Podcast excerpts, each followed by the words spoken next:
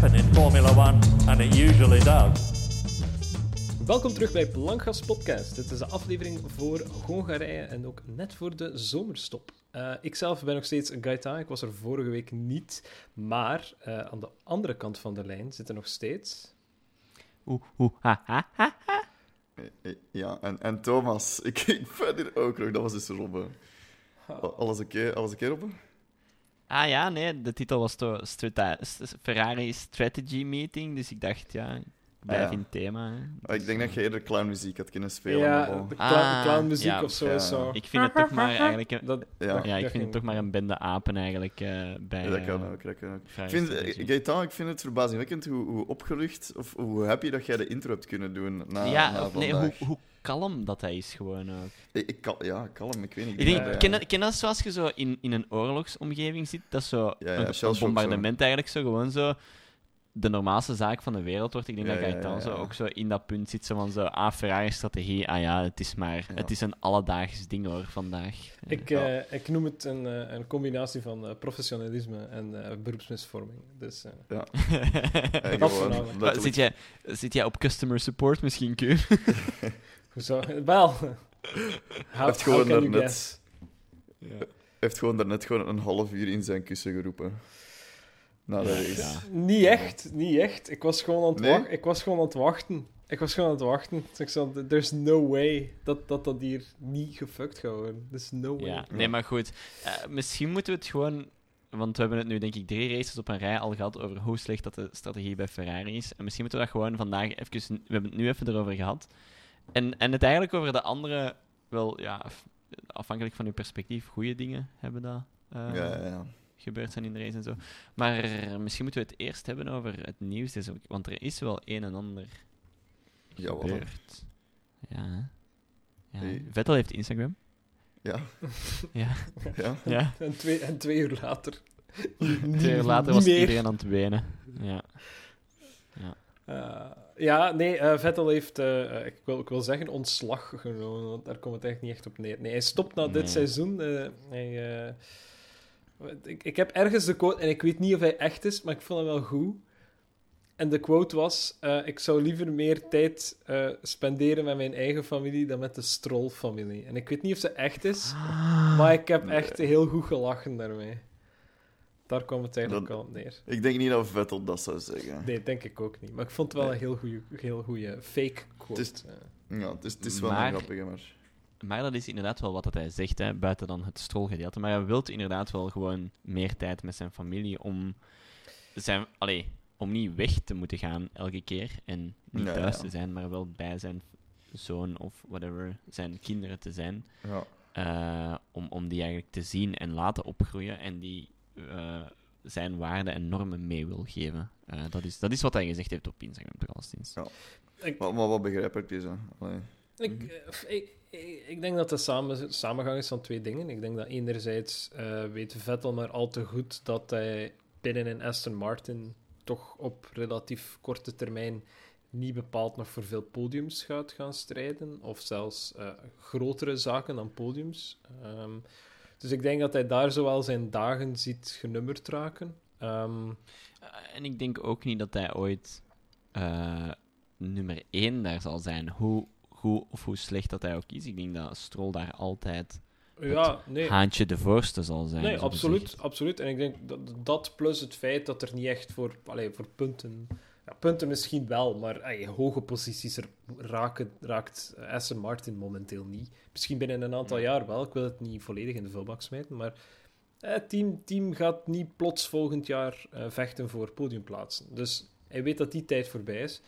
En begin dit jaar was er een, een, een opiniestuk eh, op Motorsport Magazine waarin dat er eigenlijk ook werd gezegd van hoe lang nog voordat ehm, drivers eh, zoals Vettel, zoals Hamilton, het hele Formule 1 gedeelte kunnen blijven rijmen met een activisme, om het zo te zeggen. Want Vettel heeft zich de laatste paar jaar zeer vocaal ingezet voor het klimaat en andere zaken. Dus ja, de hoe planeet, lang... je mocht het zo zeggen. Hè? ja. Nee, maar hoe lang, hoe lang nog voor, voordat je inderdaad zoiets hebt van oké, ik, ik kan licht hypocriet blijven door het vliegtuig te nemen naar rond heel de wereld voor wat, tien maanden van de, van de twaalf op een jaar. Om daar dan wat in cirkeltjes te gaan rijden. Ik bedoel, het is heel cru gezegd natuurlijk. Het is iets wat ik ook al vaker zeg over, over Hamilton. Dat, oké, ik ga niet, niet, niet akkoord met je standpunten, maar het is wel wat raar dat je aan de ene kant zit te vragen om er iets aan te doen, maar dan zelf het niet wilt doen of zo. Ik denk dat Vettel op dat punt is gekomen waarin dat hij het ene met het andere wel de- kon doen of zo. Dat hij zegt van, oké, wel, de carrière gaat niet echt veel verder vooruit gaan in Formule 1. En ik kan ondertussen mijn activisme daaraan koppelen en ondertussen wel, ga, wel gaan inzetten daarvoor zonder door een potentiële, al dan niet politieke, achterban hypocriet te worden genoemd. Want ehm, was het niet een maand of een maand en een half geleden dat Vettel in Canada of in Engeland in, in, in, in een van de politiek programma zat? Of nee, ik denk dat hij zat in een programma in Engeland en in Canada is hij uitgeroepen geweest door de politiek over het feit dat iemand als Sebastian Vettel niets mag zeggen over het klimaat omwille van zijn carrière. En dan denk ik, ja, Ah, ja. oké, ja. Eh, sure, sure, ik kan zien waarom je zoiets zou zeggen. En ik denk wel dat zo'n zaken wel nog steeds binnenkomen bij de man. Dus ja, ik weet het niet goed. Maar goed, ja. Terwijl, terwijl ik wel denk dat Vettel binnen de Formule 1 ook zelf een heel grote advocaat is van eh, dat, naar dat eh, zero carbon neutral Oh, eh, gedoe te gaan. Tuurlijk, En, maar- en allee, ik bedoel, als je hem dan ook ziet toekomen in zijn fiets, dat, dat, is een, dat is een zot beeld eigenlijk. Want die komen er allemaal in van die superauto's toe en dan allemaal zo, ja, rum, rum, rum, rum. en dan zie je Vettel daar zo, yo, met zijn fietsje. En dan denk ik, ja, dat is toch genius. Dat is, dat is zo'n sterk beeld. En dat brengt toch ook zo'n mooi beeld van, het kan ook anders. Tuurlijk. En uiteindelijk kan hij het blijven doen. Hè. Hij kan blijven bij de Formule 1 en binnen Aston Martin als hij dat echt wil blijven verder werken aan, aan dat toekomstbeeld. Maar hij hoeft daarvoor niet in de auto te zitten. En ik denk dat dat Nee, ook. Voilà. Ik denk dat dat de rekening is dat hij heeft gemaakt. Ik probeer hier niet zijn eh, psycholoog of therapeut te spelen, maar ik denk wel dat dat ergens aan de basis ligt van zijn beslissing. Nu goed, om, om, om dat af te sluiten, het silly season is daarmee begonnen. Hè. Er is nu één plaatje die is vrijgekomen en daar staat dan een lijstje aan mensen die ze daar willen insteken. Dus eh, ja, het- ik denk niet Kunnen we dat daar er- eens Wat? Kunnen we daar eens over gaan anders? Want ik vind dat wel Ehm. interessant. Want ik, ik heb eigenlijk geen idee wie dat ze bij Aston Martin zouden steken. Uh, on top of my head. Heb je, je kunt daar Ocon steken, je kunt daar Mick Schumacher steken, je kunt daar eh, Piastri steken, je kunt... Maar eh, wacht, oh, Mick Schumacher? Nee, hè, dat is een Ferrari Academy driver. Die gaan ze niet naar een Mercedes team laten gaan. Hè? Hij probeert eenzijdig zijn contract op te zeggen met Ferrari als Academy driver en dat is geklonken, hè. Ja, maar zou jij, zou jij uit de Ferrari Academy track stappen, Mick Schumacher zijn, hè, om dan naar een team zoals Aston Martin te gaan? I mean, waarom niet? Het is duidelijk dat naar Ferrari stappen niet de beste carrière move is dat je kunt maken. Ja, momenteel. Maar tegen dat hij misschien... de laatste punt- 15 jaar of zo, toch niet? Mm. Dus het, Uiteindelijk, zijn vader heeft dat ook gedaan. hè. Oké, dat was misschien zo een, een, een glory return. Maar hij heeft ook die laatste jaren bij Mercedes gereden. Hè. Ja, ik denk, ik, Ja. ik denk dat dat weinig uitmaakt. Ik denk als hij echt, als Aston Martin met hem like, aan tafel zit en hij wil dat doen, kan dat wel een goede move zijn. Ik bedoel, Haas is redelijk goed en competitief dit jaar en het is eigenlijk wel gelijkwaardig aan niveau als Aston Martin. Maar als ik nu geld zou moeten zetten op welk team van die twee dat ik hoger zie stijgen in de komende jaren, ga ik wel meer geld zetten op Aston Martin. Ja, ik denk dat Aston Martin het beter zal doen op pakweg 1, 2, 3 seizoenen vanaf nu, eh, dan dat Haas dat zal doen. Haas die het nu goed doet, is gewoon een kwestie van regulation changes. En we gaan dat misschien opnieuw zien in dan 2026, wanneer dat de engine regulations ook veranderen. Maar ik denk op, op nu, als in ik moet nu beslissen wat ik doe, blijf ik bij Haas en hoop ik op een stoel ergens anders, binnen in het Ferrari-ecosysteem. Of ga ik naar Aston Martin, waardoor dat ik daar misschien twee jaar lang eh, mijn best kan doen, kan opvallen, en misschien daarna naar Mercedes. Of een ander Je hebt het hier ge- eerst gehoord hè, bij Plankpodcast pod podcast. Amai, ik ben echt aan het stotteren vandaag. Goed bezig. Ehm, Mick Schumacher gaat naar Mercedes. I mean, het- is een carrièrepad die zeer haalbaar is voor die man. Maar hij moet zichzelf. Hij moet zichzelf wel bewijzen. En dat is een beetje het probleem. Hij heeft zichzelf niet kunnen bewijzen bij Haas. Overduidelijk, omdat dat team nergens stond en geen ene cent in zijn wagen stak. Maar dit jaar gaat het dan al wat beter. Er, is al wat meer, er is al wat meer mogelijk bij Haas. Maar eh, buiten zo, hij staat in de punten. De, beter dan dat wordt het niet dit jaar. Maar dat hoeft ook niet. Ik bedoel, Charles Leclerc bij, bij, bij Sauber in 2018 moest ook alleen maar in de punten kunnen staan. Moest niet op het podium staan, moest gewoon in de punten kunnen staan. Hij heeft het toch een paar keer kunnen doen. Dus daarmee val je al genoeg op. En gezien het feit dat Mick Schumacher nog een redelijk jonge kerel is, kan dat zijn dat het team daar ook zelf iets aan heeft. Omdat ze hem dan ook, net zoals dat Red Bull heeft gedaan, net zoals dat Ferrari heeft gedaan, ze wel met een, een langer contract aan de haak zou kunnen slaan. Ik weet het Ja. niet. Ik weet gewoon dat Aston Martin is nog altijd bezig met de opbouw van het team. Eh, sinds dat het van Racing Point naar Aston Martin is gegaan, en ze zijn nog altijd bezig met de nieuwe facilities te bouwen in Engeland. Die zijn er nog altijd niet. Dus er moet nog veel rondom rond het Aston Martin team gebeuren, waardoor dat die misschien wel tot een hoger niveau kunnen tellen. Ik ga niet zeggen dat die Laatst, world champions gaan worden, hè? dat heb ik niet nee, gezegd. laatste, la- laatste vraag, om, eh, om Ja. verder te gaan op dat hogere niveau. Moet Lance Stroll uit het team voordat Aston Martin dat hogere niveau kan bereiken? Of kan dat met Lance Stroll? Ehm, Lance Stroll, eh, het is een dubbeltje op zijn kant. Hè. Vandaag heeft hij niet slecht gereden. Dat mag gezegd worden. Hij heeft niet veel speciaals gedaan, maar hij heeft wel ook niet slecht gereden. Hij heeft een paar goede dingen gedaan. Ehm, kan het team verder blijven gaan met hem als paradepaardje? Nee. Nee. Absoluut niet. Dat is goed voor nu. Dat is goed als iemand die het stoeltje warm houdt. En soms, soms is iets goed doet. Wat wel zo Maar laten we nu, zeggen, laten we nu zeggen, hè, Mick gaat naar Aston Martin nu. Hè, silly season, we, gaan, we kunnen wel eens een keer wat gekke dingen zeggen. Sure. Mick gaat naar Aston Martin. Denkt je dan dat Mick daar de kans gaat krijgen om zich uit te bouwen? Of gaat dat hetzelfde zijn als ze met Vettel gedaan hebben, waar dat zo is van, ah ja, Vettel, rij maar, doe maar. We kijken eigenlijk niet te veel om naar u. Eh, het, Goh. het team heet nog altijd Stroll Incorporated en we doen wat we willen. Ik ga er wel van uit dat als ze iemand als Mick Schumacher aannemen, dat dat met reden is. En niet gewoon als een of andere liefdadigheidsinstelling. Dat hoop ik wel. Ehm, Want ik vermoed, en dat wil ik niet te luid zeggen, maar ik vermoed dat Vettel van Ferrari naar Aston Martin is gegaan. Enerzijds omdat hij zat was bij Ferrari en zijn contract niet wou verlengen. En anderzijds omdat hij wel een team zocht van, ah wel oké, ja, ik kan daar dan gewoon mijn rondjes nog uitrijden, tot en met dat ik daar ook verveeld van raak. Zie Kimi Räikkönen. Ik vind Kimi Räikkönen is Ja, er het grootste ja. voorbeeld van. Hij heeft ook uit onv onvrede is veel, veel gezegd, maar gewoon zo van: oké, ja, Ferrari, het boeit niet meer, want ik kan hier niet veel meer doen. Uh, dus ik, ik, ik stop hier, maar ik ben niet zeker of dat ik wil stoppen met motorsport. Dus, ah, Sauber, jullie willen, jullie willen wel mij gebruiken voor een of andere reden. Ah, goed, oké, okay, dan kom ik bij jullie en dan rijd ik mijn twee jaar wat uit. Tot en met dat ik daar ook gewoon verveeld van word. En dan trap ik het af. En dan doe ik wel iets nuttig.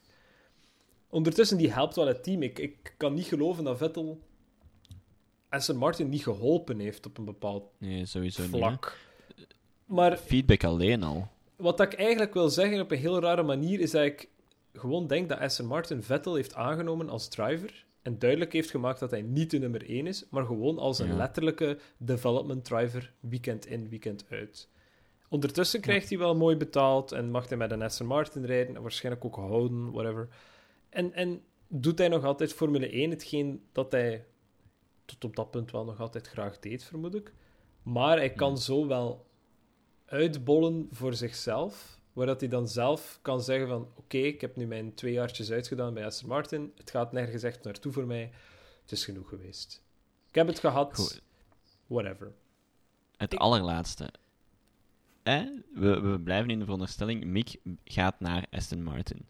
Blijft Vettel dan ook maar dan in een soort van beschermende managementrol rond Mick. Maar hij is het nu niet, hè. Dus hij is nu gewoon zo wat de, de, de, de vriend slash mentor, maar niet op officiële betaalde basis. Ik weet het niet. Vettel zien kruipen in een, een race engineer rol, ah, in een driver engineer meer, specifiek voor Mick Schumacher, lijkt me wel iets leuk om te zien als evolutie. Waarop dat je dan plots bijvoorbeeld Vettel zijn stem zou horen door de microfoon, maar ik weet niet of dat hij dat zelf wilt, want dan, dan ontsnapt hij niet aan het circus. Snapte? Hij wil nu weg. Hij zegt: ik wil, ik wil meer bij mijn familie zijn. Alright, got it, ik snap het. Je wilt meer dat doen zonder echt te zeggen: van ik wil een beetje af van die hypocrisie. Wat ik, ik denk, ik persoonlijk denk dat ook een drijvende factor is.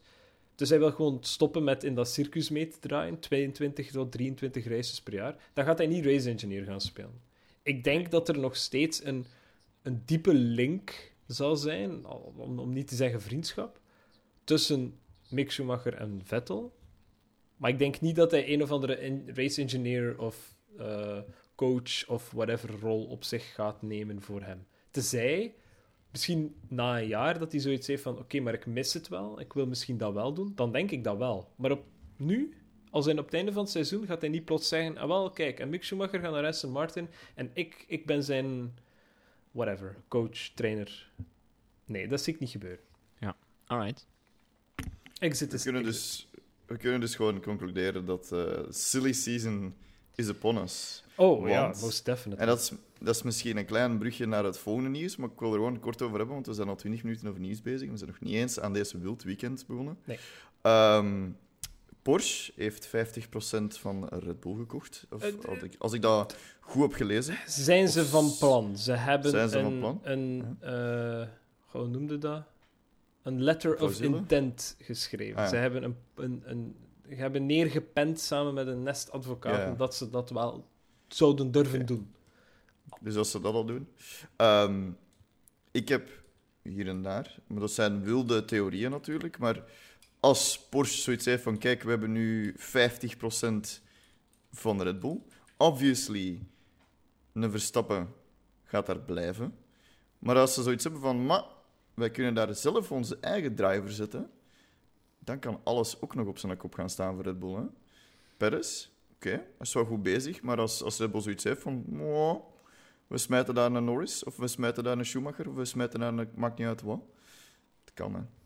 Het is natuurlijk... Allee, zoals je zelf zegt, ze hebben het, nog, het is nog niet gekocht. Ik dacht dat ze het al Nee. hadden gekocht, maar het is nee, nog niet. en het zal, de, deal, Ehm. de, de deal zal niet rond zijn voor het einde van dit seizoen. Dus je, Hmm. moet, je moet daar niet mee inzitten. Het zal nog niet Red Bull Porsche zijn volgend jaar. Dat is, dat Dat is is, je kunt nog merch kopen.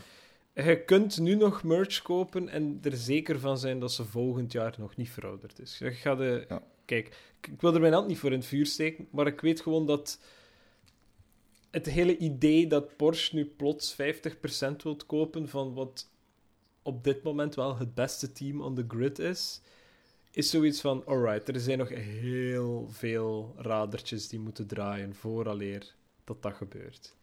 Mhm. Ehm, ik, ik, heb, ik heb mezelf niet volledig ingelezen in, in wat het is, omdat ik ook niet echt dacht dat we het erover gingen hebben. Omdat ik het gewoon zoiets heb van... Eh, dit is weer al de Porsche slash Volkswagen slash Audi machine die wat draait en probeert relevant te blijven in de discussies rond Formule 1, zonder Ja. daar ook maar één cent voor uit te geven. Was het de laatste Dus- twee jaar toch wel heel hard aan het doen zijn.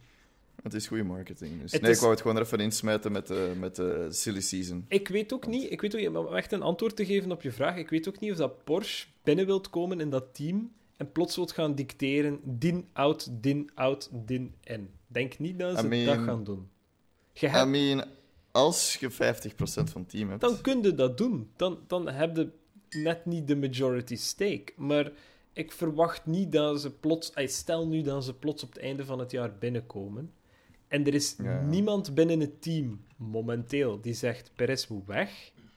Daar is zelfs nog geen sprake over. Dan denk ik niet dat Porsche gaat zeggen: Ja, Perez buiten en we steken daar een of andere willekeurige Porsche Cup eh, kerel in. Ja, nee, dat gaat niet gebeuren. Nee, nee, nee. Er gaat, ze gaat nog steeds moeten discussiëren. Als ze nu plots 90% komen van het team, oh, tuurlijk, ja, dan kan alles. Maar eh, met 50% moet je al redelijk wat overtuigingskracht hebben. Ja. Laten we het, laten we het over, eh, over de race hebben, over het raceweekend. Ik, normaal skippen we altijd free practice. Maar ik wil nu even free practice erbij halen, want we hebben, Oh, hell we yeah. hebben op, op free practice 3 was even, even echt een zalig moment. Free Practice 3 was de wereld op zijn kop. Echt waar. Go TV, het zal wel zijn. Oh my. Maar wat een, wat, een, wat een legend eigenlijk, die Latifi. Zelfs in qualifying, zelfs in Q1, wat een legend. Ik, ik, ik skip gewoon free practice. Alleen in free practice 3, het was gewoon nat. Het waren natte condities. En hij heeft... Ik denk dat, ik denk dat de max eh, laps dat gereden waren in free practice 3 18 laps waren. Dat is niet veel. Ehm, en hij had daar de snelste lap. Dat was gewoon grappig om te zien, want er was... één was Ah. het Latifi, twee was het...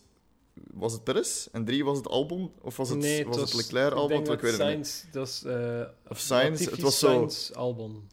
1, Ja, 1 kan 3 wel. was Williams. En ik had zoiets van, wat? What the fuck is er gaande? Hoppa, Eh, daar gaan we ze.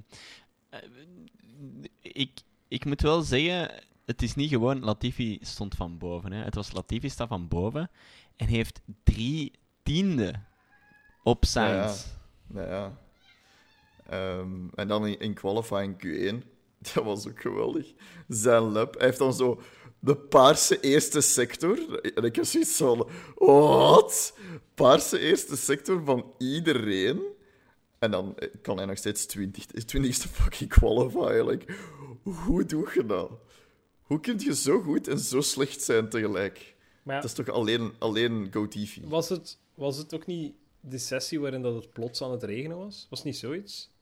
Bij qualifying? Nee, bij eh, Free Practice 3. Ja, ja, ja, ja, ja. Daarom, daarom dat er zo weinig laps waren gezet en daarom dat hij zo'n snelle tijd had gezet. Ehm, maar ik, had, ik, ik, ik, ik was gewoon overgesprongen van free practice naar, naar qualifying.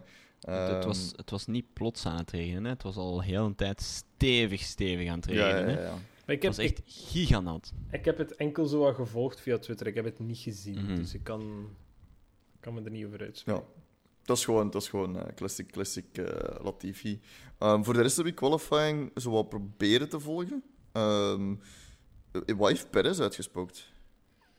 Ehm, Eh, die had Perez, issues, dacht ik. Perez is een heel speciaal eh, iets, want het zet een vreemd precedent waarvan dat ik verwacht dat heel vaak nog zal terugkomen. Ehm, heel kort te schetsen, hij had een eh, lap gereden waarvan dat de tijd gedelete is geweest Ah, omwille ja. van ehm, track limits. Ja, ja, ja, ja, ja. Maar het was zelfs zo dat zelfs de Formula One eh, TV-commentatoren eh, zeiden van... Ja, maar dat was toch binnen? Dat was toch binnen de lijn? Yep. ja, ja, ja. En dat heeft dan heel lang geduurd vooraleer dat hij die tijd terug had gekregen, waardoor dat hij dan terug wel naar boven was. Maar dan kon hij daar like, toch niet echt over. En dan is hij ja, blijven sukkelen in, in Q2. Maar het, het was een heel Hmm. speciale situatie, want ik vermoed dat dat wel precedent zet. Want vaak worden de, eh, deleted times omwille van track limits tijdens qualifying redelijk snel vergeten. Ja, je weet natuurlijk niet wat er in de achtergrond gebeurt, maar ik heb de indruk dat er vaak zo van... Oké, ja, het is deleted, zet gewoon nog één. Dat is de indruk die ik heb ja, over dat het eraan toe gaat binnen de teams. Oké, het is binnen de... allee, het is buiten het circuit. eh, het opnieuw, hè. Het goed, hè, dit keer. Ik denk dat op dat punt wordt dat anders bekeken. Maar, gezien dat Perez zijn tijd heeft teruggekregen... Eh, ja, oké, is goed. We gaan het zien de volgende keer dat er iemand voor track limits buiten komt. Hè. Oh ja, zijn Ja. track deleted, eh, zijn tracktime deleted krijgt, want dan gaan we waarschijnlijk gewoon discussies veroorzaken. Ik vind het heel vreemd wat dat daar is gebeurd. Het was oprecht verkeerd, hè. De beelden zijn dan nog getoond geweest. Het was oprecht een verkeerde call. Maar, ja, weet je. Ja. Heel vreemd. Ja. Goed, wat, wat er dan voor de rest is gebeurd met hem exact kan ik niet zeggen. Ik weet gewoon dat hij nooit zijn tijd meer heeft kunnen verbeteren. Nee, nee, Ehm, was dan enkel in Q3 nog eh, George Russell die denk- daar. Ja, Ehm, sorry voor even tussen te komen. Ik denk dat met eh Perez zowel eh, Verstappen als Perez ehm, power unit issues hebben gehad. Want vandaag tijdens de race is heel.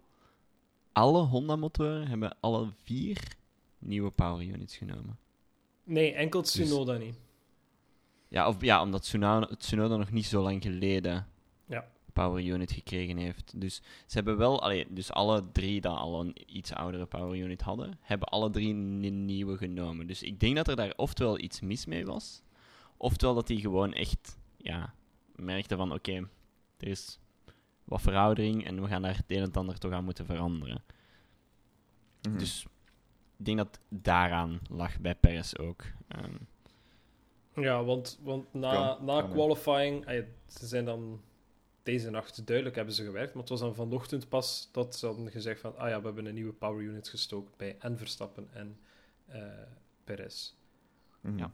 Want Ja. Verstappen had ook geen fantastische Q3 eh, en was, had, had ook aangegeven dat hij no power had. Dus, eh, ja, maar hij had ook no power. Hij heeft geen representatieve lap gezet hè, in Q3. Eh, nee, ja, hij is wel zevende. Ay, voor zevende on the grid mocht hij Ja, dus zijn, eerste, ja, zijn eerste lap heeft hij gezet. Mhm. En dan had hij issues waardoor hij voor zo de tweede stint in Q3 heeft hij geen lap kunnen zetten. Ja, ja, ja, ja, oké.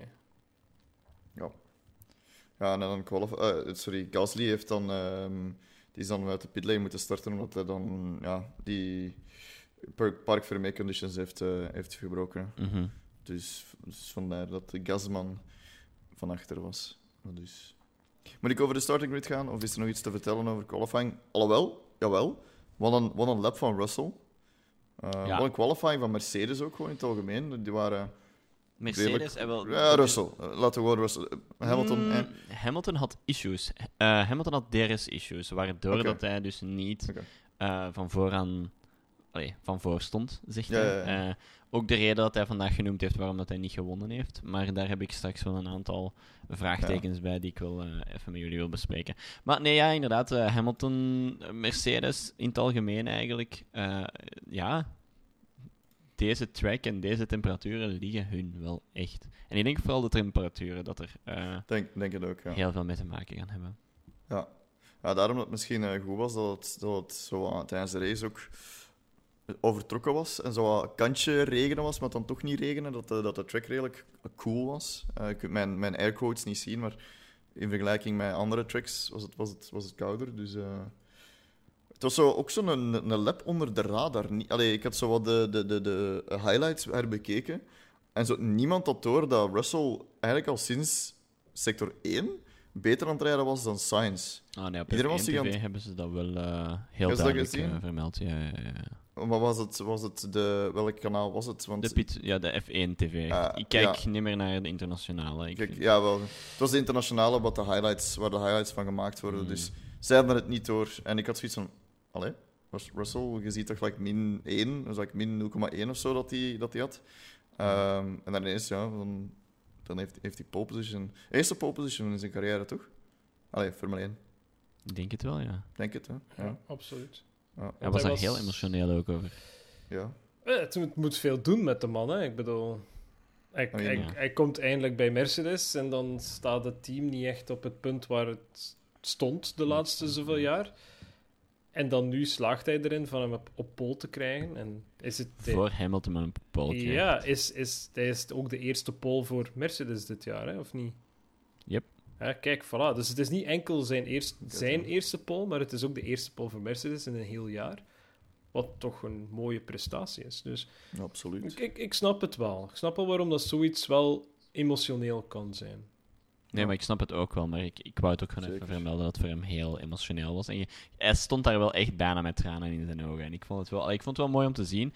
En allee, dat, vind, ik- dat vind ik dan ook wel een keer goed voor te zien van zo... Oké, dat team dat, dat was inderdaad heel de tijd dominant de afgelopen weet ik veel hoeveel jaar.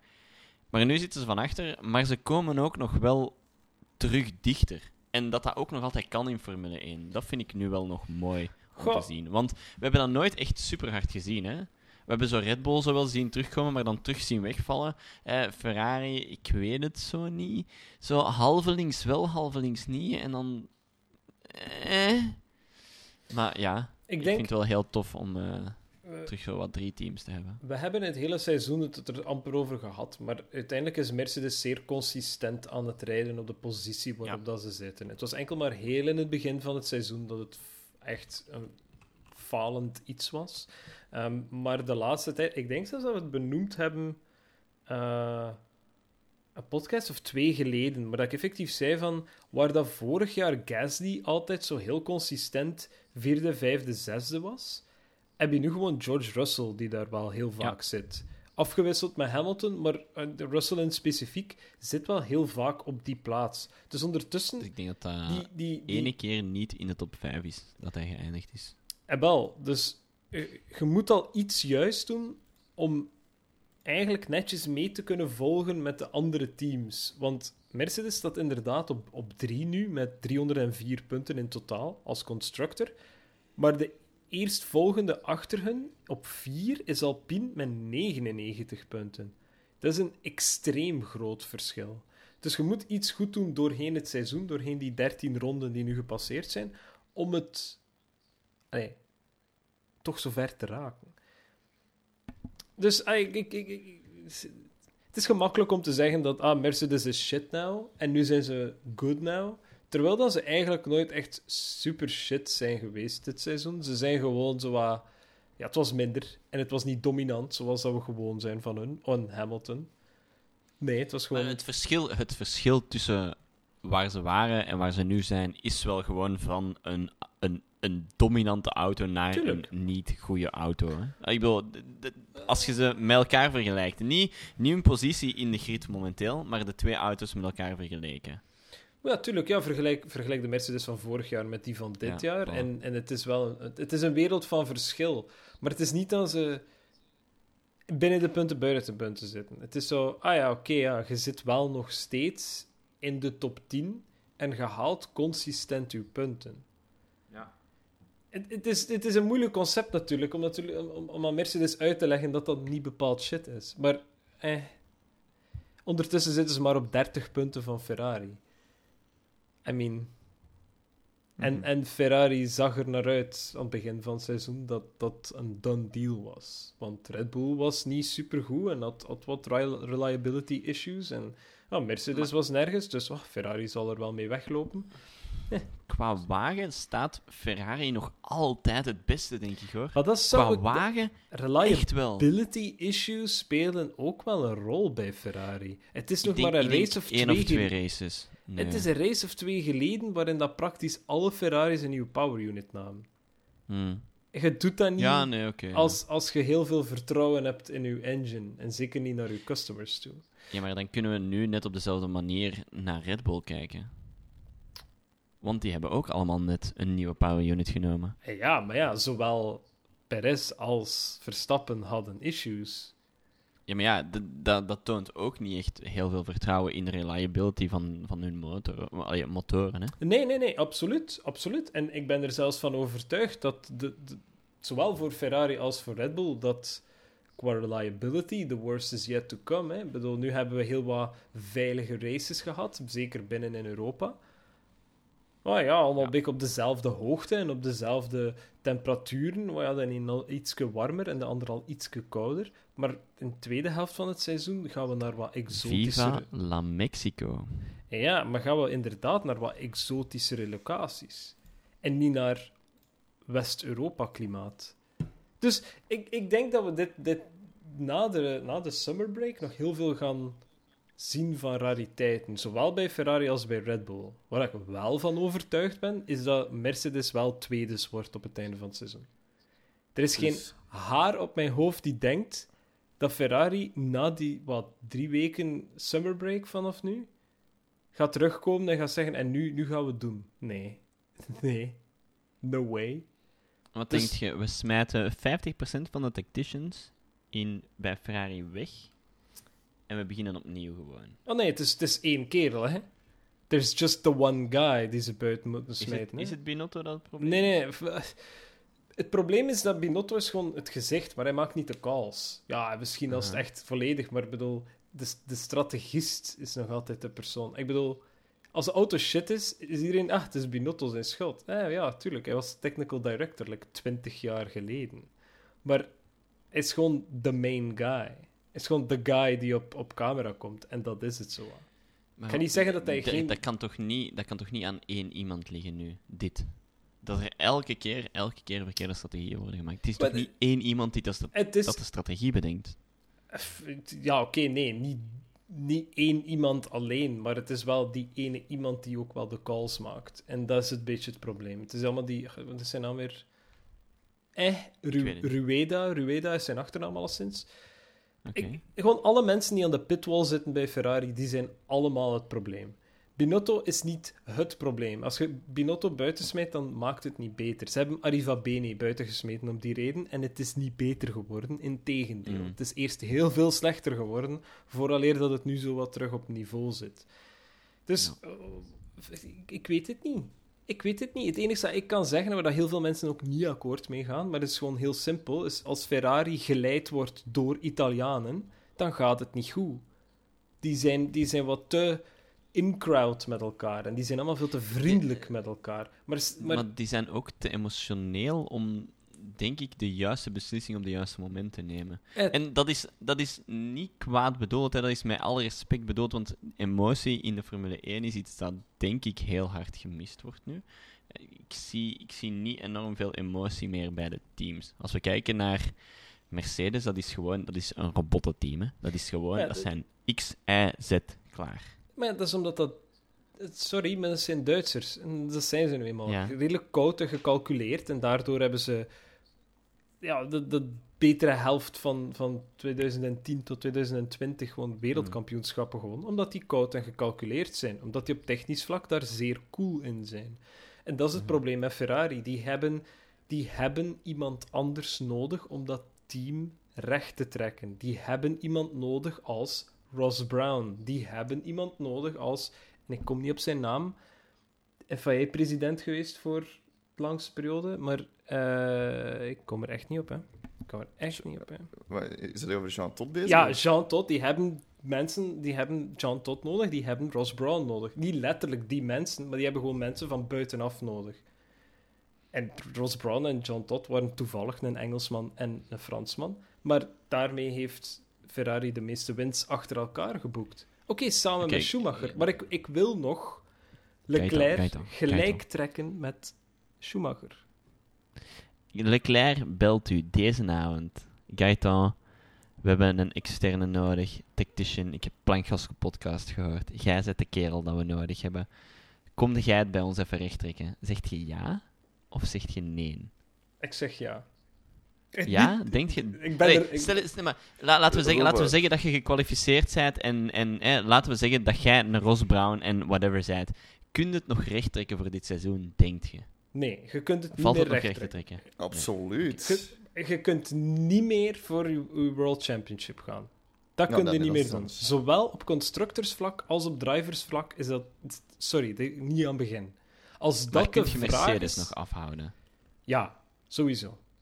Sowieso. En Dat moet dan de doelstelling van Ferrari zijn. Dat moet Mercedes doen- afhouden en ook zoveel En- mogelijk winnen. Op zich wel. Wint zoveel mogelijk. Uiteindelijk kun je niets verkeerd doen met zoveel mogelijk te winnen. Nee, dat is... Allee ja, weet je, er- er- er- er is misschien geen endgame, letterlijk dan. Er is geen championship niet meer waarvoor dat je kunt gaan. Maar je kunt wel niets misdoen door te blijven gaan voor een 1-2. Wat je eigenlijk perfect zou moeten kunnen. Weekend na weekend. En Maar dus, Verstappen heeft dit seizoen in de bag? Vraagteken? Ja. ja. Ja. Wel, Oké. Ik, ik, Like, ik heb ergens gelezen, eh, like, mathematisch moet hij gewoon nog een keer eens winnen Tweede en een keer eens tweede worden en, en hij heeft het in de zak, hè? Hij moet alleen nog maar tweede worden. Leclerc mag alles winnen en moet alleen nog maar tweede worden. En nu dat hem gewonnen heeft, denk ik zelfs Like, elke meer. race tweede worden? Of? Elke race. Als hem elke race gewoon Ah, tweede wordt, wordt hem een world champion. Maar nu is het al minder, hè, want Leclerc... Hoe, ja, misschien is het Ah, ja, gewoon ja, tijd ja. dat we in de race eh, ja, we zijn al 40 minuten bezig, we hebben nog niet Ja, eens over de klopt. race gehad. Maar goed, het, is, het was ook de, de Ferrari Strategy Meeting, dus we gingen het ook over de strategie Ja, ja, van ja, Ferrari. ja, maar- ja, ja, het is zo. Eh, eh, ja, eh, inderdaad is het mathematisch nog mogelijk, want we, ik hoor het hier net ook al, en, en dan kunnen we, dat is een goede overstap naar de race. Want Ferrari moet opletten of ze zijn derde in het, in het kampioenschap, hè? ja, ja, maar niet, niet enkel daar. Hè. Ik bedoel, Perez zit op vijf punten van, van Ja. Leclerc in de driver standings. Dat, dat is Ja. niet eens meer één race, hè. Dat is... La- laten, we, De laten we het hebben over de race. Laten we het hebben over de race. We, we beginnen. Russell is redelijk snel weg, want Russell stond op soft. Ja. Beide Ferraris staan op medium. En ik heb zoiets van... Ik, Cube, ik, zie, ik zag u toen al in de chat al zo wat grijs haar krijgen en, en ik zag u daar al in uw, in uw kussen beginnen te, te schreeuwen. Maar ik had zoiets van... Oké, Russell rijdt weg, dat is oké, want die rijdt op die softs. Laat hem zijn banden maar kapot rijden. Laten wij niet vechten als Ferrari. Laten we gewoon rijden, onze pace houden en laten we gewoon onze banden een beetje saven. Want die, die Russell die zal zijn banden wel kapot rijden, die moet pitten en dan we zitten op een andere strategie. En Russell komt binnen en dan ineens pitten ze. Wie, wie pitten ze dan? Was het Sainz. Sainz of was het Leclerc? Sainz. En ik zoiets Eerst van, Sainz. en dan dacht ik van, oké, je probeert gewoon hetzelfde te doen met, eh, met, met Sainz met Russell, zodat je met Leclerc aan het, de, de, de opposite strategie kunt doen. En dan hebben ze gewoon alles in de vuilbak gesmeten. Daar, daar kan ik eigenlijk Ferrari niet voor in de fout geven. Ze hebben met Leclerc te lang gewacht. Daar, daar denk ik dat ze uw pad wouden volgen, van we geven Leclerc de omgekeerde strategie. Ja. Maar daar hebben ze met Sainz denk ik de juiste keuze gemaakt. Want die mediums waren serieus aan het afvallen. Als je dan keek wat dat Russell deed op die mediums, dan waren ze al gezien. Hè. Ferrari was gezien. Hè. Eh, Sainz raakte niet voor Russell nadat hij gepit was. Hè. En, allee, oké, Sainz had een heel slechte pitstop. En Russell had een goede pitstop en een oké outlap. Maar Sainz raakte er niet aan. Er was no way dat hij die ging over overtaken. En hebben ze Leclerc lang laten rondrijden. Met het idee van, oké, we steken hem erop. Maar dan zag je gewoon Russell alleen maar dichtbij, dichterbij komen. En zelfs met die langere strategie en whatever... Het, het werkte niet, wat ze daar wouden doen. En, en daar kan ik ze dan niet voor fout geven. Want zeggen van, oké, bon, dan halen we nu Leclerc wel binnen. We beperken de schade dat we nu al aangericht hebben. En we zetten hem ook op mediums en we laten die jong rijden. Daar denk ik dat ze een heel juiste keuze gemaakt hebben. Eh, de foute keuze waar dat ik denk dat ze gegaan hebben, is dat ze Leclerc op het einde eh, de verkeerde banden gegeven hebben. Ja, die Ja, dat, was, dat was de ja. slechtste keuze ooit. Hey, ik, ik, ik heb het toen nog in Discord gezegd. Er was op een bepaald moment reden, reed, reed zo Sainz derde. En ik zei zo van, zeg, zeg, zeg. Sainz derde? Nee, nee, nee, nee, dat mag niet. Dat is een podiumplaats. hè. Kom, kom. Doe het maar iets om dat te ver- verkloten. Dan hebben ze dan op een vreemde strategie gezet. En dan was Leclerc op de derde plaats. Ik gezegd weer van, zeg, zeg, zeg. Leclerc op podium, dat mag niet, Ferrari. En dan zitten ze niet op hards. En ik had zoiets van, maar nee, dat kan nu toch niet? Waarom zou je die op Ja. hard zetten? De andere, Je had- de andere Je strategie... had een bandenvoordeel en je smijt je bandenvoordeel. Smijt er gewoon weg. Nee, ze hadden geen bandenvoordeel omdat ze op de verkeerde band begonnen zijn. Als ze op de soft waren begonnen, dan hadden ze een bandenvoordeel gehad. Ja. Want nu eh, moest- in- ja, in nu moest Leclerc- Russell. Nu moest Leclerc blijven doorrijden op die vrij echt al afgaande mediums. Dus er was ergens een punt waar dat ze hem op moesten pitten. Of ze moesten Leclerc tijd laten verliezen en dan naar softs gaan. Ik denk dat dat de beste optie was, daar niet van. Maar daar op dat moment moesten ze een keuze maken. En als Leclerc op dat moment moest, moest pitten, hè, dan op de softs had hem niet uitgereden, denk ik. Ik weet het niet. Eh, denk Het het is zo, ik, ik, ik vind het heel moeilijk. In mijn, in mijn opzichten hadden ze een, een voordeel over Russell. Ik, ben, ik, ben- ik kijk nu enkel de situatie met Russell. Hè. Russell staat op de softs. Je weet dat die redelijk snel, snel over de klif gaan gaan. En je, je, je, je pit op bijna op hetzelfde moment je beide drivers bijna voor Mm. naar dezelfde band te gaan.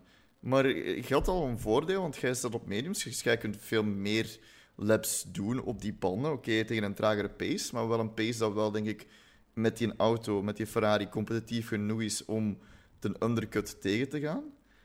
En Ja. je smijt dat gewoon weg door... door, ze- door De, de- het probleem was dat ze de undercut niet konden tegengaan. Het lukte niet. Dat, dat, daar ging hun strategie, Ja. dat jij net uitlegt, volledig in de vuilbak. Want dat maar ging dan hebben we nog steeds het voordeel dat je, je kunt in plaats van... Je weet dat Russell sowieso op een twee-stopper gaat. Kun je, kun je gamblen voor een één-stopper? Maar hoe? Met die op hards te zetten, je hebt gezien hoe goed dat die hards gingen. Dat ging niet, hè? Nee. Maybe. Nee. Maar ze hebben Leclerc veel te laat binnengehaald voor die hards. Dat is het ding. Maar nee, zelfs, zelfs, zelfs nadat, hij, nadat die hards in een soort van working window kwamen, had Leclerc amper pace. Je hebt, allee, heb je die Want hoe zien vaak hebben ze Leclerc binnengehaald? Drie keer, vier keer nu. Ah, ja, ja, nee, drie kijk, keer. Hij heeft op vier banden niet gestaan. werken. Haalt Ja, hem ene keer binnen, dan, dan denk ik dat je Nee. dat probleem niet hebt. Maar... Nee. Ik denk niet dat dat gewerkt had. Ik denk dat ze gewoon hadden moeten soft, medium, medium doen. Dat had gewerkt. denk ik. Maar bon, ja, als je in het begin van de race de keuze maakt medium, dan heb je niet veel opties. Hè. Je kunt hem niet op een soft zetten in het midden van de race. En die hard. Ah, ik denk dat ze genoeg data hadden om te weten dat die hards niet gingen werken. Hè. Maar ik denk dat ze daar niet, niet puur uit niet miserie... enkel dat. Ze hadden niet enkel data dat het niet ging werken, ze hadden ook live demonstrations of Ja. hards Ja. not working. Ze hadden letterlijk maar te kijken naar wat dan Magnussen aan het doen was en ze moesten Ah. gezien hebben, hm, het gaat niet. Want zelfs Alpine heeft dan beslist om zowel Alonso als Ocon op hards te zetten, nadat Magnussen al duidelijk had gemaakt dat het niet de moeite was. Heeft Alpine gezegd, weet je wat, we doen het ook. En daarna zei McLaren, om het toch nog maar eens extra duidelijk te maken, zullen we het ook eens laten zien. En het heeft ook niet gelukt. Het is ook niet gelukt. En dan, en dan nog beslist Ferrari van... Weet je wat dat wij gaan doen? We gaan, we gaan onze, onze kans op het podium vandaag gewoon hards geven. En dan komt het Maar allemaal in orde. het, het ding is, je weet ook niet echt, mogelijk was er iets mis met die banden van Leclerc. Snap je? Anders denk ik mogelijk dat ze hem gewoon hadden laten voortrijden. En dan op soft gaan. Want dat hebben ze met Sainz gedaan, hè? Ik snap niet waarom dat ze dan niet hetzelfde met Leclerc zouden willen doen. ik snap ook niet waarom dan ze Leclerc niet op softs hebben gesmeten in plaats van hards. Het was overduidelijk Ik- dat hards een te moeilijke compound Hmm. ging zijn voor dat circuit. Ik denk op het van moment de dat... temperatuur ook. Ja, ik denk op het moment dat Leclerc pit, dat het nog te lang was om op softs te rijden. Snap je? Ja, Dat we, daar, dat we daar gewoon die brug niet konden maken van het punt dat we nu zijn tot aan het einde van de race. En i- allee, ik weet nog altijd niet waarom dat ze hem op die exacte moment gepit hebben. Hè. Ik denk dat hij was juist ingehaald of zoiets en dan zeiden ze box, box. Maar ik dacht, maar laat hem nog even rondrijden. Maar mogelijk is dat zij iets gezien hebben dat wij niet weten. Snap dat er misschien iets, iets mis was met die band, dat hij een slow puncture had, of dat hij, dat hij echt gewoon op... Op ga ik, dan ga ik eens heel eerlijk zeggen. Hè, en dat is niet uit een, uit een kant van entitlement, maar gewoon de saving face van het Ferrari-team. Please begint dat te communiceren naar het publiek toe. Want Ja, eh, ik bedoel, ja, wij zijn niets met die informatie, want wij kunnen daar niets aan doen, maar we kunnen ze op zijn minst begrijpen. Want het enige dat we Ferrari zien doen, race achter race achter race, is het continu in de vuilbak gooien van alle Ja. Opties, alle kansen dat ze hebben. Ik wil gerust toegeven, ik ben er niet van overtuigd, maar ik wil gerust toegeven dat Ferrari op dit moment de beste wagen op de grid is. Ongeacht. Ja? Leclerc is voor mij sowieso de beste, quote-unquote, gezien dat ik anders mensen toch heel kwaad maak, die ze daarin kunnen steken en die dat team niet één, maar meerdere World Championships kan bezorgen. Dat is ook de hele kan reden waarom Ja, klopt. dat ze hem daar hebben gestoken. Ja. ja? En dan hebben dan hebben hun strategieteam die er niet in slaagt om ofwel deftig te communiceren naar, naar de drivers zelf over wat het concept is achter hun beslissing. Want als ze zeggen, je hebt een slow puncture, dus dit gaat u tijd kosten, uw banden zijn harder aan het af, afgaan dan dat jij zelf doorhebt momenteel, dus er is een risico op X, Y of Z, dan weten wij dat, dan weten die drivers dat. Maar ik ben het wel kots, maar dan ook kotsbeu om iedere race hetzelfde te zien eindigen met een Leclerc die geen weg weet met zichzelf, tegen camera's zit te zeggen dat hij het niet begrijpt, en dat Ferrari dan zegt, ja, we gaan het wel nog bespreken. Nee, goed. Laten we het dan misschien over een andere boeg gooien en Yes. kijken naar een strategie die duidelijk wel gewerkt heeft. Die van Lewis Hamilton. Eh, op, op zich, het, het, Ik dacht dat je iemand anders ging zeggen, maar oké. Ja, ja nee, laat, laten we met Lewis Hamilton beginnen en daarna hè, naar de strategie gaan. Hè. Eh, Absoluut. Nee, maar die van Lewis Hamilton, zelfs als je keek van hè, George Russell, heel goed gereden, heel goed verdedigd in die eerste stint, hè, waar dan Leclerc dan eigenlijk all over hem zat. Ook heel mooi gereden van Leclerc daar trouwens. Hè. Ehm, maar daar, hè, de strategie bij Russell zat eigenlijk helemaal anders dan bij de strategie van Hamilton. En ik snap nog altijd ook niet echt waarom dat ze die ook niet echt parallel getrokken hebben. Allee, ik snap dat je een driver in, in van voor mogelijk andere dingen laat doen dan een dat door het veld een beetje aan het komen is. Hè? Want waar was Hamilton gestart, weet iemand dan nog? Eh, ergens, wacht, ik ga het, ik Tiende voor u. Voor zijn DRS? starting eh, nee, negende. Zevende, zeven, zeven, zeven. Of zevende, dat zal van nog wel. Ja, het was eh, Verstappen die tiende gestart was. Of zo. Ja. Ja. Ja, ik, ik, ik heb eigenlijk Hamilton zijn, zijn, eh, zijn strategie eigenlijk niet gevolgd, want ik heb op een bepaald moment ook gezegd van... What the fuck doet Hamilton daar? Like, ik heb die totaal nog niet gezien. Ook op Dus- soft gestart. Heel goede start. Ja, ik heb dat zo ik heb dat zo plaats. gemist. Ja. Ja, ik heb ook gezien dat hij een goede start heeft gehad. Dat heb ik wel gezien. Maar daarbuiten heb ik zo wat niet echt op hem gelet. Het was natuurlijk het grootste verhaal, grootste verhaal was, was Ferrari en hoe gaan ze deze opfukken. Maar Hmm. Ehm, ik, ik kan niet direct iets zeggen, maar eh, allee, ik wou het net ook zeggen, ik wou heel cru zijn. Maar zelfs met de perfecte strategie voor Ferrari hadden ze denk ik nog steeds niet gewonnen dit weekend. Ik denk dat Red Bull en Mercedes te sterk denk, waren. ik denk dat ze mogelijk de tweede plaats gehaald hadden. ze hadden misschien een podiumplaats gehaald, en drie absoluut. hadden ze gehad. Ehm, maar inderdaad, eh, om, om dan misschien... Maar als je ziet, Ja. de strategie Verstappen, die kan van tiende komen, die kan een 360 doen, die kan doorrijden en die kan dat allemaal winnen, dan, dan heb je de beste strategie. Dan hebben we misschien niet de beste auto. De beste driver, daar, dat is een discussie voor een andere keer. Maar dan heb je de beste strategie en, en, en strategie is het, is het sterkste. Dus Maar- zelfs met de perfecte strategie als Ferrari die had gehad, had Red Bull denk ik nog steeds gewonnen. Eh, eh, misschien, misschien. Maar laten we, laten we dat even kaderen ook. Hè? Want het is niet alleen de beste auto, de beste dingen, eh beste driver, whatever. Het is gewoon de beste omstandigheden. hè. We weten allemaal dat Verstappen het heel fijn vindt om in een soort van glijdende auto te rijden. Eh, Veel liever dan, denk ik, gelijk wie op de grid. Eh, als die een auto een klein beetje overstuur heeft, dan wordt hij daar wel, denk ik, gelukkig van. Ehm, dus de track ligt hem wel. Allee, zeker de condities waarin dat de track waren, liggen hem heel goed. Ze lagen de auto van de Mercedes ook heel goed, waardoor de Mhm. Mercedes het voordeel heeft gehad. Maar ik denk als de strategie bij Ferrari juist zit, en we hebben zo Leclerc, die dan niet vier keren, allee, vier andere verschillende banden heeft en niet drie keer gepit wordt, dan denk ik dat hij wel nog een Verstappen kan afhouden op zich.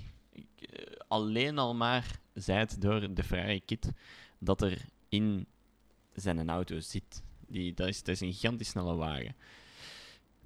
Liggen de trekcondities Ferrari zich vandaag?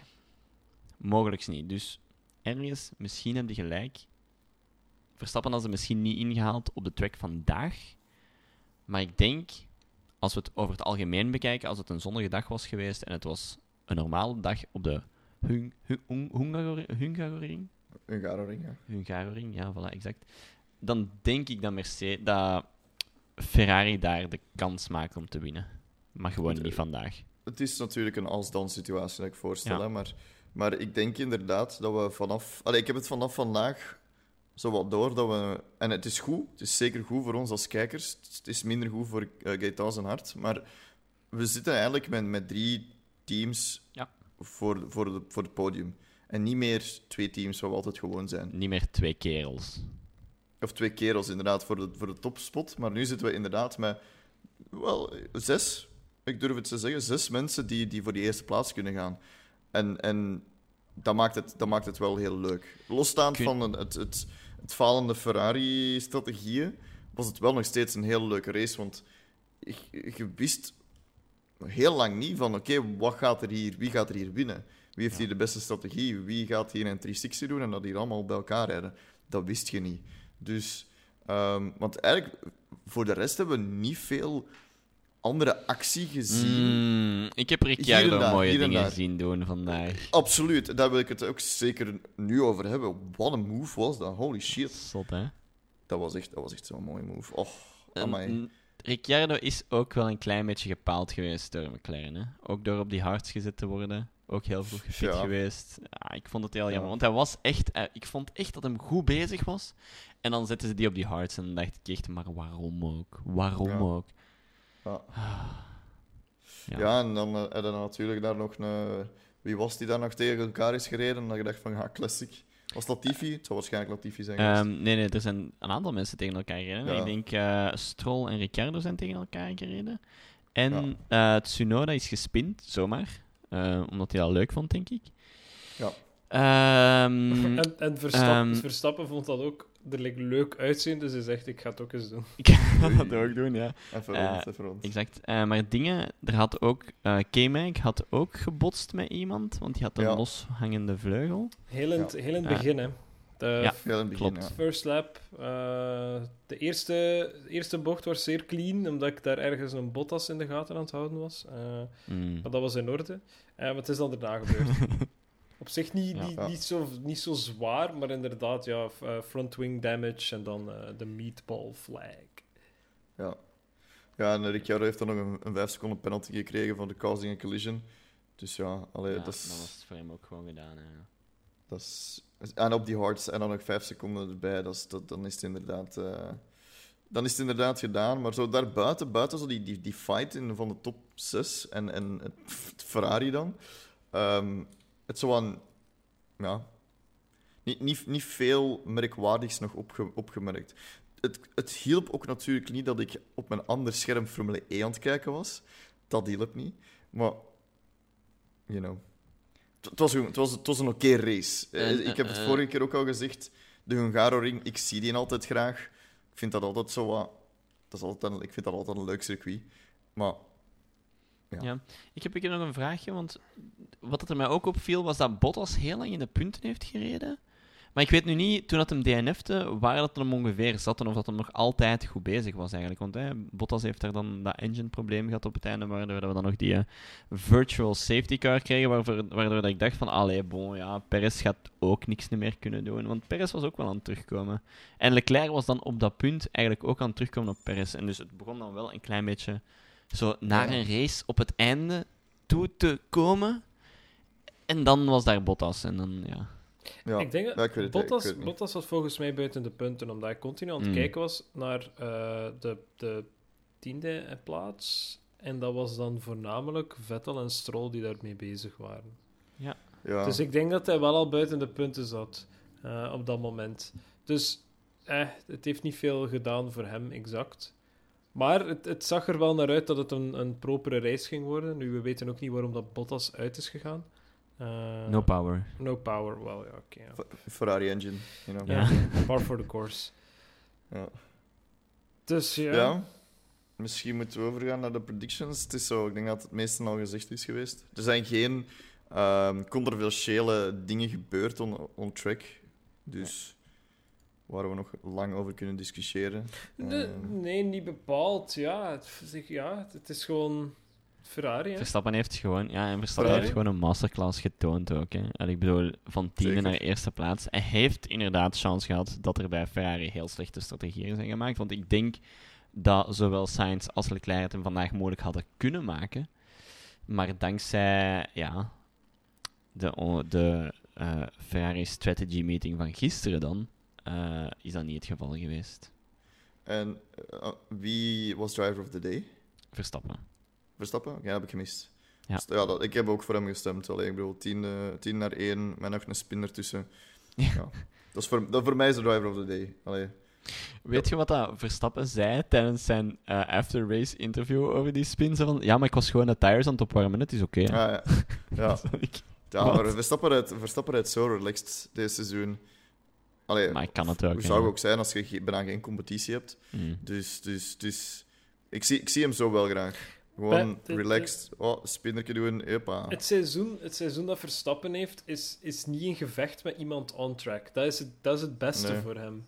Hij moet iets doen. Hij moet gewoon deftig rijden. Want hij, hij- Mm. hij- op dit Ja. moment weet volledig Red Bull in de achterkant van hun hoofd, weten ze perfect van. Eh, wel, het maakt echt niet uit waar we starten, want degene voor ons gaan er toch in slagen om ergens in het midden van de race gewoon in bed te pissen. Er, Ja, er, maar- was een stuk, maar- er was een stuk ik op Twitter heb gezien, waarin dat ehm, Sky F1 aan Christian Horner vraagt of dat Ferrari een eigenlijk het seizoen cadeau heeft gegeven. Waarop dat Horner antwoordt, is de camera al aan het lopen. Omdat die dat ook gewoon weten. Dat, dat Ferrari het gewoon cadeau aan het geven is. Ik denk, die, Nee. niemand moet moeite doen daarvoor. Die zijn heel sterk begonnen. Die hebben dan wel wat, wat malchance gehad met een DNF, maar de- Red Bull had ook DNF in het begin. Dus dat trok zichzelf recht. En, en gaandeweg is het weer eens... Ja. Ik kan zelfs niet zeggen... Want, want ik ga eens zeggen hoe het gaat gaan hè, de volgende paar jaar. Oh, oh, oh. Het, het gaat niet beter worden. Hè. Bedoel, wa- wat gaan we zien? We hebben nu, we hebben nu de Bij zomerstop. Ferrari wilt je Ja. zeggen. Ja, absoluut. Dus we hebben nu de zomerstop. Nadien, na de zomerstop, het gaat niet beter gaan bij Ferrari, want ze gaan daar te lang zoeken achter wie of wat het probleem is. Dus Mercedes doet haasje over met Ferrari. Ferrari staat derde. De kans is wel heel klein dat nog iemand anders boven Ferrari gaat komen in de constructors. Dus ze eindigen derde. In een seizoen waar dat ze als eerste zijn gestart. Leclerc zal ten prooi vallen van Perez. Dus hij zal ergens derde of vierde eindigen waarschijnlijk in de, in de Drivers' Championship. En volgend jaar doen die niets meer. Dit was de one-shot. Dit was het seizoen waarin dat ze het konden bewijzen. En, Their vol- one opportunity. en volgend jaar, volgend jaar zitten we weer met Red Bull 1, Mercedes 2 en Ferrari 3. Als, als er niet ergens een ander team uit het midfield, en dan kijk ik bijvoorbeeld naar de McLaren, die, Of die, Williams. Eh, Ja, nee, Williams niet echt. maar dan kijk ik naar de McLaren of, of zelfs een, een, een Alfa Tauri, die daar ergens terugkomt en zegt van, hé, hey, maar eh, eh, vierde plaats is ook iets dat wij graag willen hebben. Hè? Ja, En dat is het, en dat is zeer cynisch, ik weet het, maar één strategy fuck-up, got it, kan gebeuren. Je kunt niet alles Hmm. weten.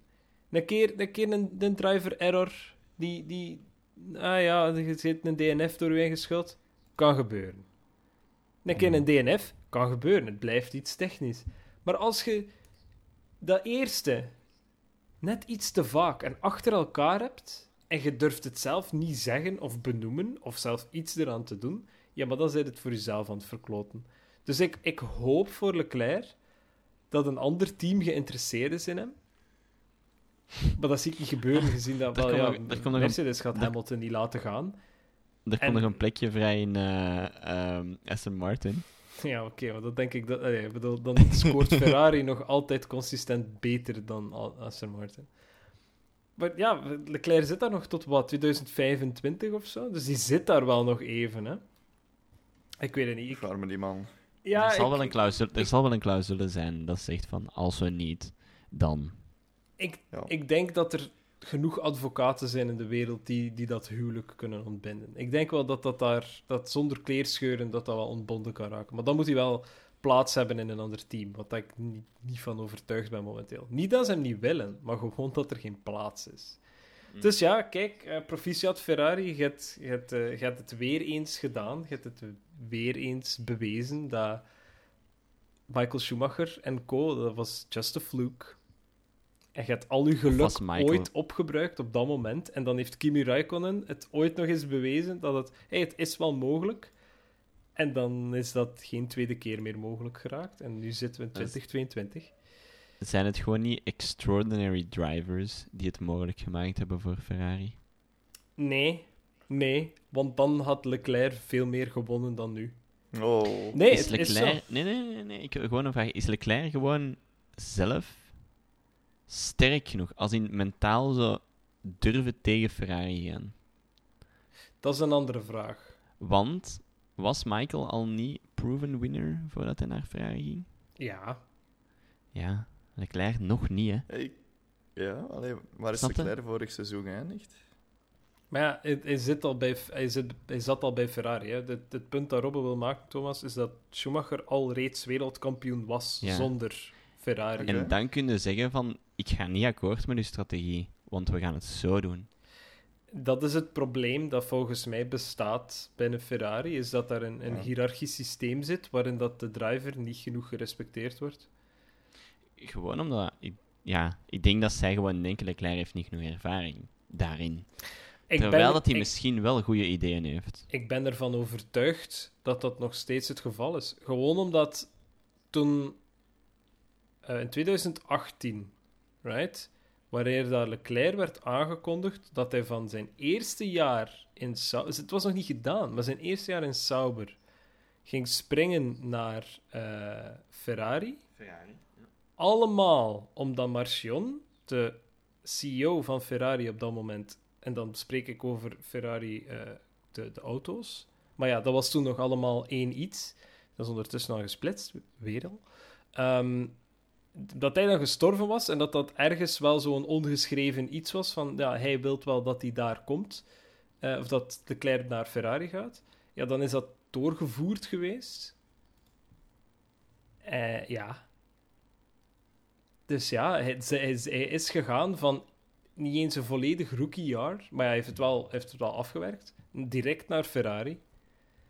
En ik denk dat er nog steeds mensen zijn die toen niet akkoord gingen met het feit dat Leclerc ging springen naar Ferrari, die eigenlijk nog steeds bij Ferrari zitten en eigenlijk nog steeds denken dat hij daar niet hoort. Want dat, dat zie ik ze wel doen. Dat zie ik ze wel denken. Het, het is zo. Het is heel spijtig voor hem. Het is heel spijtig. Het is spijtig dat je, dat je zo'n carrière kan hebben, op die plaats kan terechtkomen en dan op het einde van de rit eigenlijk nog steeds een team kan hebben die eigenlijk zoiets heeft van "Pff, het interesseert ons niet meer. Want dat is hoe het voelt. Goed, we hebben ook nog Prediction posi- time. Nee, ik, ik, ik wil het eigenlijk, wat het voor de podcast erover, ik ga het nu toch nog erin rammen. Er is ook nog positief nieuws. Want onze eigen landgenoot, Stoffel van Doornen, Ah, die staat klaar. Die staat klaar om Formule We hebben daar 1 net- wereldkampioen te worden. We hebben daar net de Absoluut. berekening gemaakt. Wij hebben net de berekening gemaakt. Als Evans alles en alles en alles wint, dat wil zeggen fastest lap, pole position en de race als eerste beëindigt. Het enige dat Stoffel dan moet doen, is één keer vierde en één keer vijfde worden. En hij wint alsnog. Dat is Voilà. mathematisch mogelijk, Dat is mathematisch mogelijk. Het maar feit... realistisch niet. Het feit is wel, als Stoffel nog eens DNF't en Evans wint dan, dan wordt het wel terug spannend. Dan zal het spannend zijn. Ja. Het zijn nog twee races. Ja, het is nog altijd Formule E, zoals Gaetan toen ook gezegd heeft. absoluut. Dat is waar. Absoluut. En Alles dat kan. kan. allemaal. Dus, met een beetje malchance, is het, zijn we nu al veel te vroeg aan het juichen. Maar als we naar Stoffel zijn track record kijken, dan staan er nog niet veel nulletjes bij. En bij Evans wel. Laat ook even zeggen dat enkel en alleen nog maar Evans en Mortara de enige twee zijn dat Stoffel het nog kunnen afnemen. Al de rest mathematisch niet meer Ja. mogelijk. Hè? Want er zijn nog 58 punten. Doe zelf de berekening. Dan zijn het alleen nog maar die twee dat kunnen winnen. En de laatste twee, eventjes meegeven, de laatste twee races zijn 13 en 14 augustus. Ja. En Robbe, want jij stelde mij die vraag, allee, je gaat zo wat in de Formule E. Dat zijn dus eigenlijk gewoon twee dagen, waar het, dat zijn eigenlijk gewoon twee race dagen. Dus je hebt daar free practice, zit daarin, qualifying en een race. En de volgende dag is het niet, het is reverse grid of het heeft nog iets met... Het is gewoon een andere racedag, dat is de tweede racedag. En dan beginnen ze gewoon opnieuw. Eenmaal opnieuw. Dus free practice, qualifying en race is terug gewoon... Het zijn twee race dagen. Het is oftewel hetzelfde, het is hetzelfde script, misschien omgekeerd. Ik weet, in Berlijn was het omgekeerd. Daar doen ze soms wel een keer iets funky mee. Maar het is dus twee keer in Seoul. 13 en 14, beide racen om 9 uur s ochtends. Be there. Zet uw bier koud. eh, Ze hang uw Belgische vlag buiten. Haal wat uw stoffen chocola. Absoluut. Haal uw stoffen van Doorn en merch boven. En dan niet. Ga naar de Formule 1 website. Daar kunnen heel cheap stoffen van Doorn en merch. Vanuit McLaren-tijd. Want die staan like voor 5 euro of zo. Eh, en, en, en hype gewoon mee voor Van Doorn. Want Of we ga gaan... eens naar Kortrijk en koop daar echte stoffel van Doorn en merch. Oh, oh, alright. Kun, Kan, eh, kun je geen f- echte eh, stoffen van Via de Formule E. Ja, ik ging net zeggen. Op de Formule E-website zullen er wel gewoon, of op zijn website zullen er wel genoeg merch eh, zijn van hem. Nee, maar ja, eh, Dus- pak, je, pak je een frietje, pak je wat chocola, pak je wat bier, whatever dat uw Belgische goesting is. Eh, en, eh, en wees even chauvinistisch en kijk naar onze stoffen van zijn. Op Auvio, RTBF kunt je het zien. Eh, Gratis. Je kunt het online Ja. bekijken. Het enige wat je moet doen is een account aanmaken. En Mhm. ik denk dat het zelfs Engelse commentaar is. Nee, Nee. Het is, het, is, Nee. het is Frans of het is niks. Dat is een beetje dat Ja. werkt. Ah ja, Frans de of niks. race, Oké, oké, oké. de race is in het Frans en de rest is allemaal niks. Oké. Qualifying is niks. Dus je kunt je eigen commentaar geven. Dat doe ik af en toe. En, ik ben- van Doorn gaat er door de eerste bocht. Ik zit hier dan helemaal alleen in mijn Anders, ja. anders, als het zo niks is, kunnen we misschien gewoon eens een live... Nee, want nee, we moeten ook Nee, nee, nee, Formule gewoon niet 1 doen. kijken. Het is ja, 9 uur s ochtends, joh. Ik ben nog niet wakker. Dus, Ah nee, ik wel. Ja, en Eurosport zeggen, zoals Hannes hier ook zegt, Eurosport als je in het Hollands wilt en om de vijf minuten reclame. Ja, wilt. het is vooral de reclame Ja, ja. die stoort bij. Ja. eh, dan maken ze reclame over Formule E. En dan, maar ik ben Formule E aan het kijken, Eurosport. Geef mij mijn programma. En maak niet reclame over de fucking programma dat ik aan het kijken ben. Oké. Ah, Sorry, keer, het zat diep. Het zat diep, het zat diep. Ehm, laten we het hebben over predictions. We zijn al een uur en, en tien Exact. minuten bezig, denk ik. Dus eh, ik denk dat iedereen zijn fout had. Maar We, we, we zijn voor, voor Predictione. gisteren. Ik even zal ik al een lijntje trekken. Is, uh, hopla. Thomas, jij had Verstappen, Leclerc, Hamilton met als Bolt. Twee hazen in Q3 en Michael Sch- oh, No. Mick Schumacher. Echt hoor, godver. Echt, MSC is echt heel verschrikkelijk. Ja, boven eh, Magnussen. Eh, ja, dat eh, is allemaal fout. Nee, Eh, Robbe, jij had Hamilton, Leclerc, Norris, Bolt, regen en Verstappen, DNF. Wel, de regen Mm. kwam vijf minuten nadat de race gedaan was. En Verstappen, DNF was... eh, ja, Was, was eh, Het- bij qualifying bijna gebeurd. nee. Ja, zijn spin kon ook slechter zijn Voilà, uitgedraaid. Ah. Hey, Ah. dat zijn mijn mopjes. wauw. Oh, hey. Ik had hem zelfs niet eens door. Oh, Ik had hem door terwijl ik hem aan het uitspreken was. oh dat is de ergste. Alright, Hannes had Verstappen Russell Sainz met Bolt. Bottas goes bowling again. Ik heb hem in de gaten gehouden, maar hij heeft niets, heeft niets gedaan buiten dan een DNF. Eh Aap had Verstappen Perez Hamilton met als Bolt Haas in de top 6. Nee. Nee. Het, or Oh, de winnaar, juist, sommige, maar goed. Het orakel Ian had Verstappen Perez Leclerc met als Bolt tweemaal safety car in de race. Eh twee keer Tweemaal virtual, virtual safety, safety car. Ja, We geven hem. Eh, de, ja, ik wil hem geven, maar de rest is de fout. bolt. De het is bolt, fout anyway, dus. Ehm, Pablo Jefcobar had Sainz, Verstappen, Leclerc met als Bolt McLaren top 5. Nee, Nou. SVL had Leclerc, Verstappen, Sainz. Bolt, the, the pole, the win and the fastest lap voor.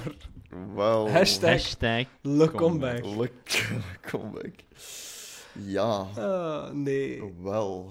helaas. Dat is, eh, dat is minder. Ja, dat, eh, Minder vlinder. ja, dat, eh, dat, is, dat is triestig, hè. Dat is, ja, dat is om van te wenen. Hey, is- maar, maar, maar, maar. Volgende race is in België. En, en kan wel, wel eens de laatste keer zijn dat het in België is. Ja, Ja, Ja. grote kans, hè? Ging het niet afwisselend? eh, of was het niet zo een, eh, rumor dat er ging dat het afwisselend Zandvoort en Spa ging zijn? Dat heb ik niet gezien. Ik heb wel de rumor gezien dat eh, Zuid-Afrika nog niet klaar zou zijn volgend jaar en dat er dan toch nog ene keer op Spa zou gereden worden. En dan 2024 eh, niet meer. Dus als het volgend jaar toch nog doorgaat, eh, ja, kijk, dan eh, moet u tickets kopen en gaan.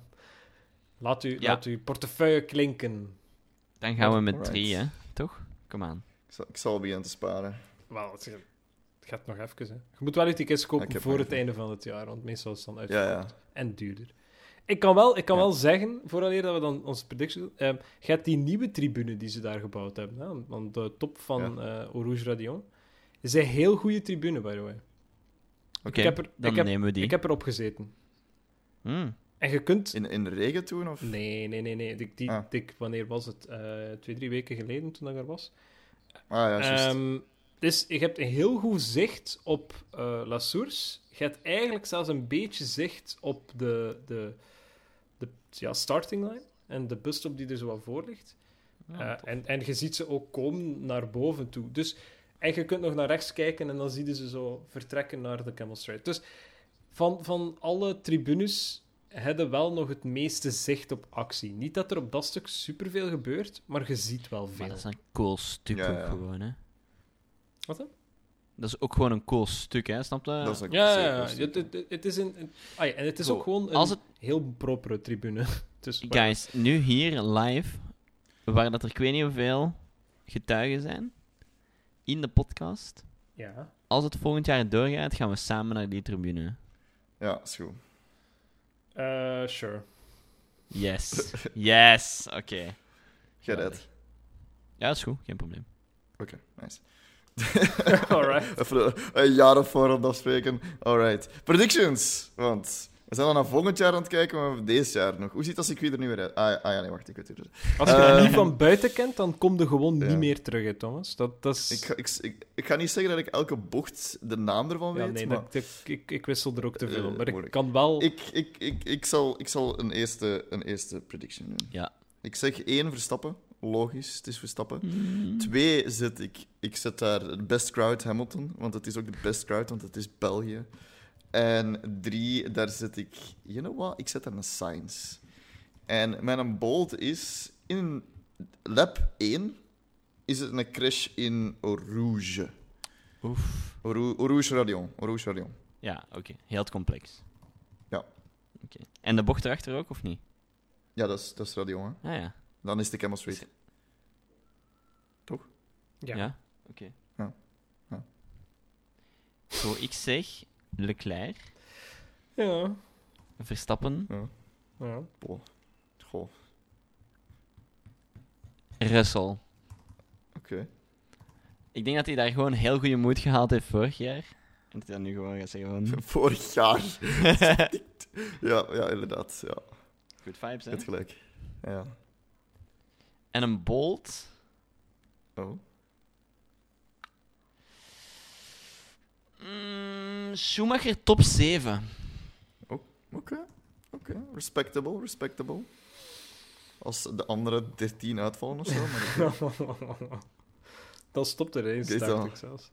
Eh, Is dat? eh, Ah, ja, er is wel een, een limiet aan hoeveel mensen dat eruit mag mogen vallen. ah, ja, oké. Oké. Ehm, ik zet op 1 Verstappen. Ik zet op 2 Russell. Ik zet op Wat? 3 ehm eh, Norris. Oh, heerlijk Leclerc in uw top 3. Gaëtan is gedesillusioneerd. Ik geef het op. Gedesillusioneerd. Ja. Ehm, Oké. ik, hou wel, ik, ik hou nog steeds van hem, hè, maar ik hou niet meer van Ferrari op dit moment. Dus Ja. ze, kunnen, ze, kunnen, ze kunnen het aftrappen. En, en een Bolt, iets over Ferrari? Ik wou als Bolt zeggen, het is drie dagen het mooiste weer dan dat het al ooit is geweest in Spa. Maar dat is niet echt zo Bolt. kan. Ik vind hem, ik vind hem, wel, ik vind hem wel grappig. Ik vind hem wel Ehm, goed. Ik bedoel, in top 3 is al bold genoeg. Sure, kijk, het is, het is Doe die, doe die, geen doe die. regen. Drie absoluut Prachtige dagen. prachtige Hitte dagen Hitte die dagen. Al mijn levenskeuzes in vraag gaan staan. Ja, mooi. Mooi, mooi. Alright. Jij Voilà. gaat ook gaan zien dit jaar, toch, hè, eh, Gaëtan? Ik, ik ga niet eh, dit jaar. Ah ja. Daarom dat ik zeg, al mijn Ja, leven, de keuze het- was, het is zo shit geweest vorig jaar, dat ik het even niet meer hoef te zien. Ja. Dat was... Dat was Ga jij dit jaar, Robben? Nee. Ik ook niet, dus... Ja, maar Voilà. van, van jou had ik dat verwacht, Thomas. Ik eh, ben nog nooit naar de Formule 1 event gegaan. Oh my god.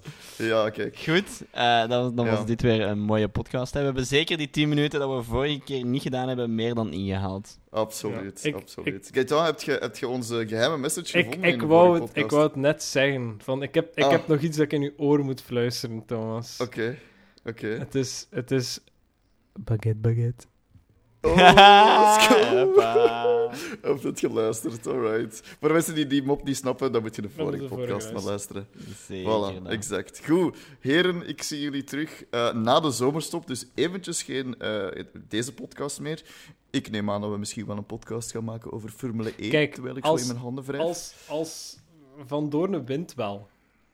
Ik Ah, denk als ah. Van Doorn Nee. niet wint, dat we dat ook moeten doen. Ja, het, Ja, ja, het is op zich binnen twee weken. Ik heb even gewoon wel pauze nodig om, om Ja, geen zenuwinzinking te krijgen. Ja. Oh. Absoluut, absoluut. Goed. Ik zie jullie volgende keer. Goeie verlof en, eh, en tot in België. Hè. Hey, tot Bye in bye. België. Doei. Deze week. Bedankt om te luisteren. En wie meer plankgas wil, kan ons volgen op Instagram, Twitter en Facebook. Of kan gezellig in onze Discord groep komen meebabbelen. De links naar al deze dingen vind je terug in onze beschrijving. En tot de volgende keer.